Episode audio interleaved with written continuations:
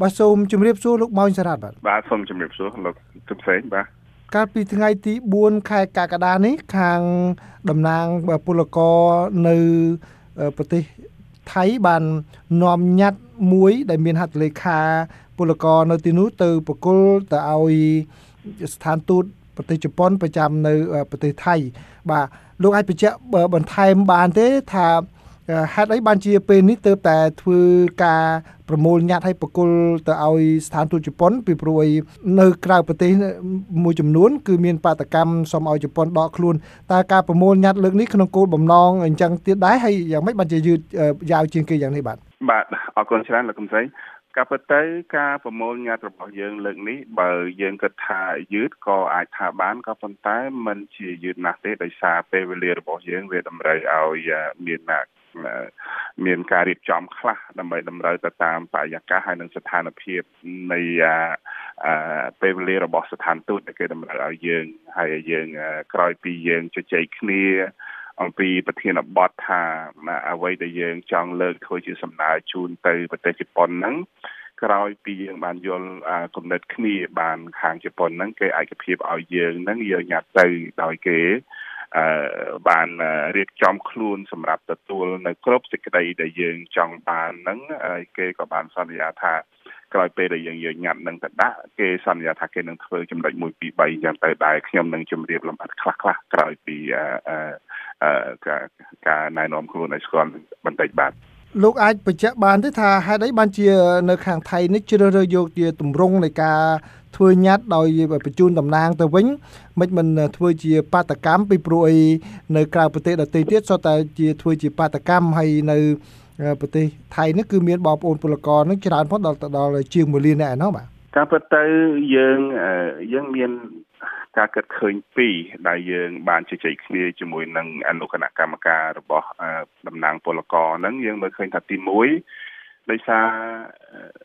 ប្រទេសថៃជាមួយនឹងប្រទេសកម្ពុជាយើងនេះវាមានព្រំដែនជាប់គ្នាហើយបើសិនជាស្ថិតនៅក្នុងស្ថានភាពណាមួយដែលយើងរៀបចំធ្វើបាតកម្ម យើងក៏គិតអំពីសុវត្ថិភាពដល់កម្លាំងពលកររបស់យើងដែរពីព្រោះយើងដឹងហើយថាសំបីតែបងប្អូនពលករនៅប្រទេសកូរ៉េក្តីនៅប្រទេសជប៉ុនក្តីអឺវាមានការរំខានច្រើនពីជាពិសេសគឺអាញាធររបស់ប្រទេសយើងដែលទៅ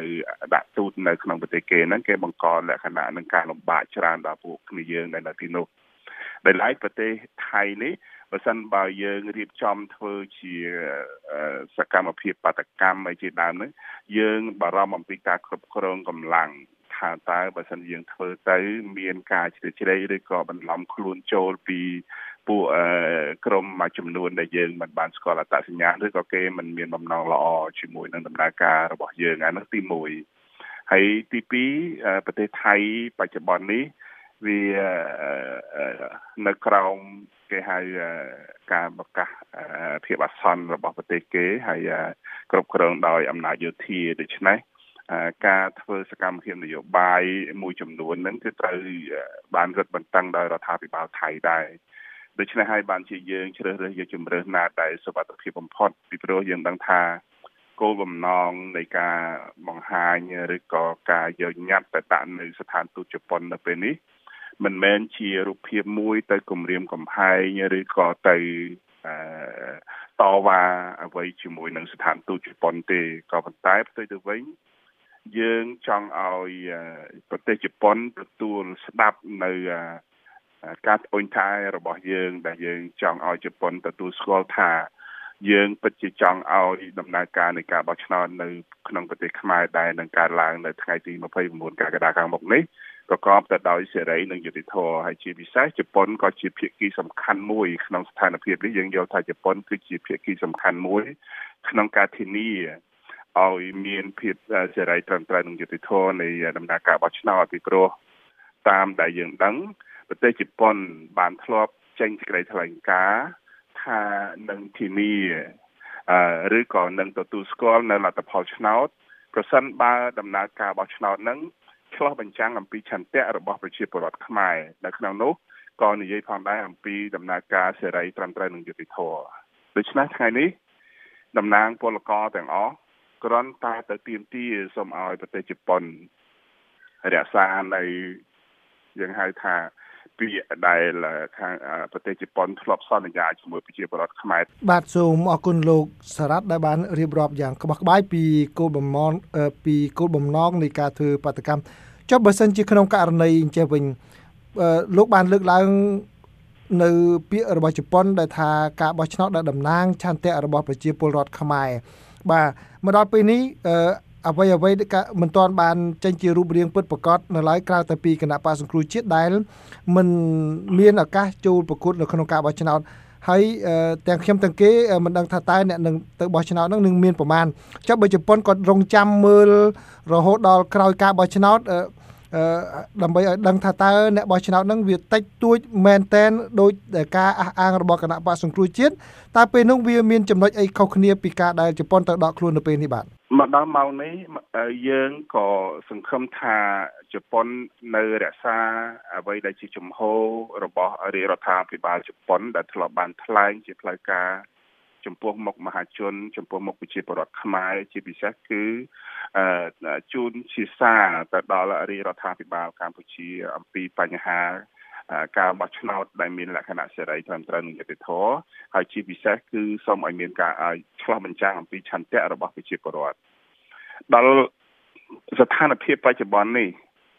ប្រទេសជប៉ុនខ្លួនឯងក៏មិនទាន់បង្ហាញចំហថា តើគេទទួលស្គាល់ឬមិនទទួលស្គាល់ដោយអ្វីដែលលោកម៉ាក់ហ៊ុនសេងមានប្រសាសន៍ថាតើជប៉ុនទទួលស្គាល់ឬមិនទទួលស្គាល់ចាំក្រោយពេលលទ្ធផលឆ្នោតឬក៏មិនចាំនោះអ្វីគ្រប់យ៉ាងនេះគឺគ្រាន់តែជាការសន្និដ្ឋានរបស់យើងទាំងអស់គ្នាក្នុងនាមជាពលរដ្ឋខ្មែរហើយនឹងយើងទាំងអស់គ្នាដែលបានដឹងដែលបានតាមមើលអំពីស្ថានភាពនយោបាយរបស់ប្រទេសកម្ពុជាក៏ប៉ុន្តែ តាមសេចក្តីដែលយើងទាំងអស់គ្នាក្នុងនាមជាតំណាងពលករដែលបានទៅជួបជាមួយនឹងអាយដាម Shotaro Omara ដែលជាអគ្គរដ្ឋទូតទទួលបន្ទុកនយោបាយប្រចាំប្រទេសថៃលោកមានប្រសាសន៍ថាអ្វីដែលយើងទៀមទា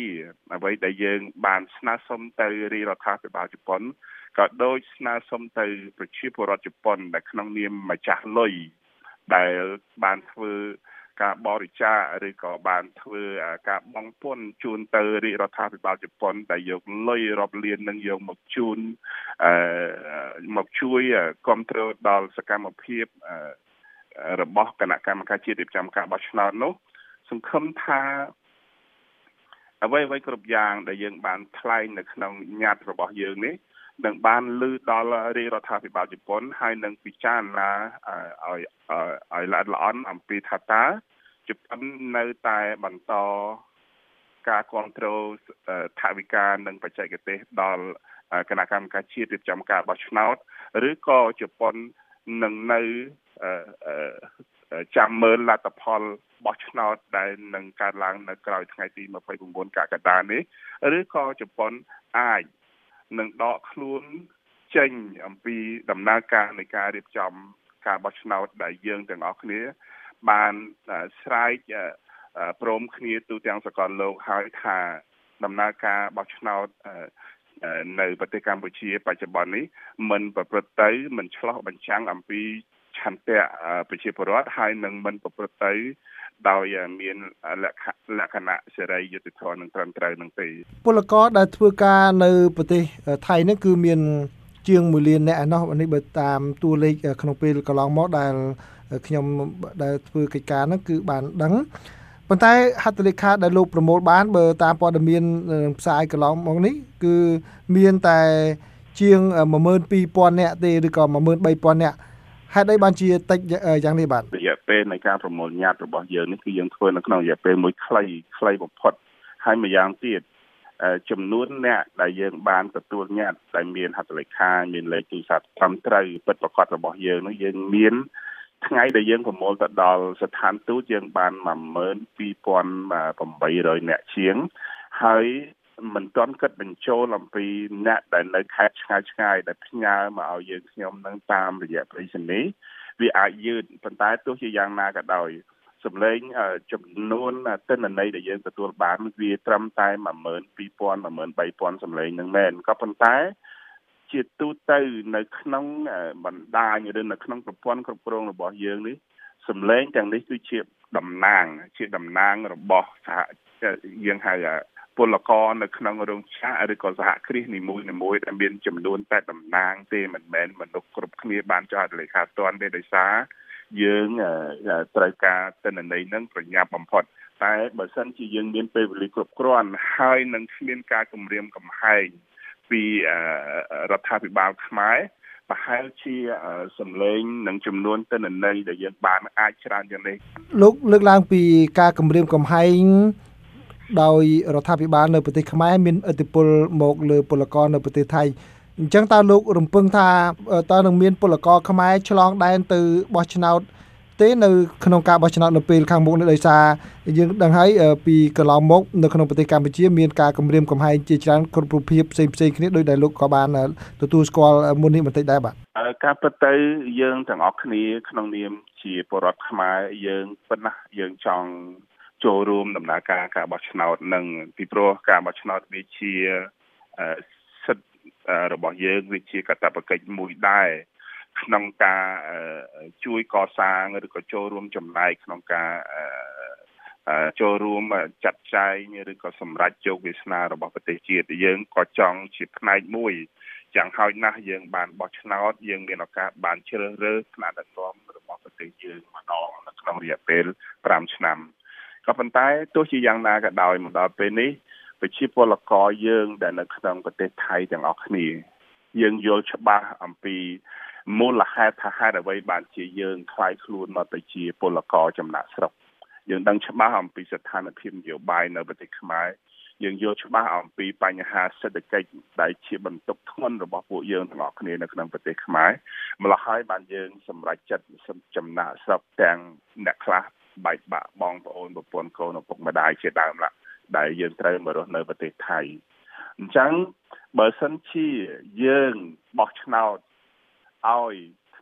គណៈបកនយោបាយដែលដឹកនាំប្រទេសដែលធ្វើឲ្យពួកយើងទឹកភ្នែកធ្វើឲ្យយើងបែកបាក់ក្រុមគ្រួសារបែកបាក់ឪពុកម្ដាយចំពាក់បំណុលគេ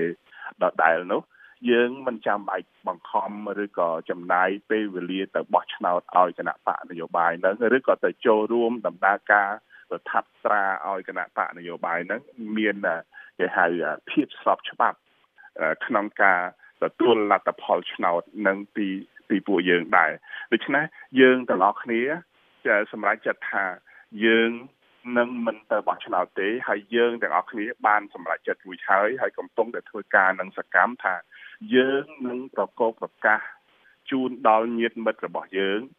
បងប្អូនយើងជីដូនជីតាយើងមីងមាយើងដែលនៅឯផ្ទះហ្នឹងថ្ងៃបោះឆ្នោត29កក្កដាខាងមុខនេះ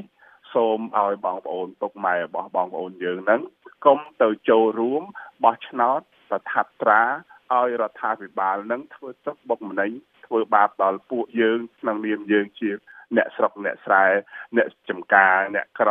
សូមឲ្យបងប្អូនទាំងអស់គ្នាដេកផ្ទះធ្វើទៅតាមអ្វីដែលគណៈបកសង្គ្រោះជាតិកំពុងតែអំពាវនាវឲ្យបងប្អូនប្រជាពលករទាំងអស់ និងបងប្អូនប្រជាពលរដ្ឋទូទាំងប្រទេសដើម្បី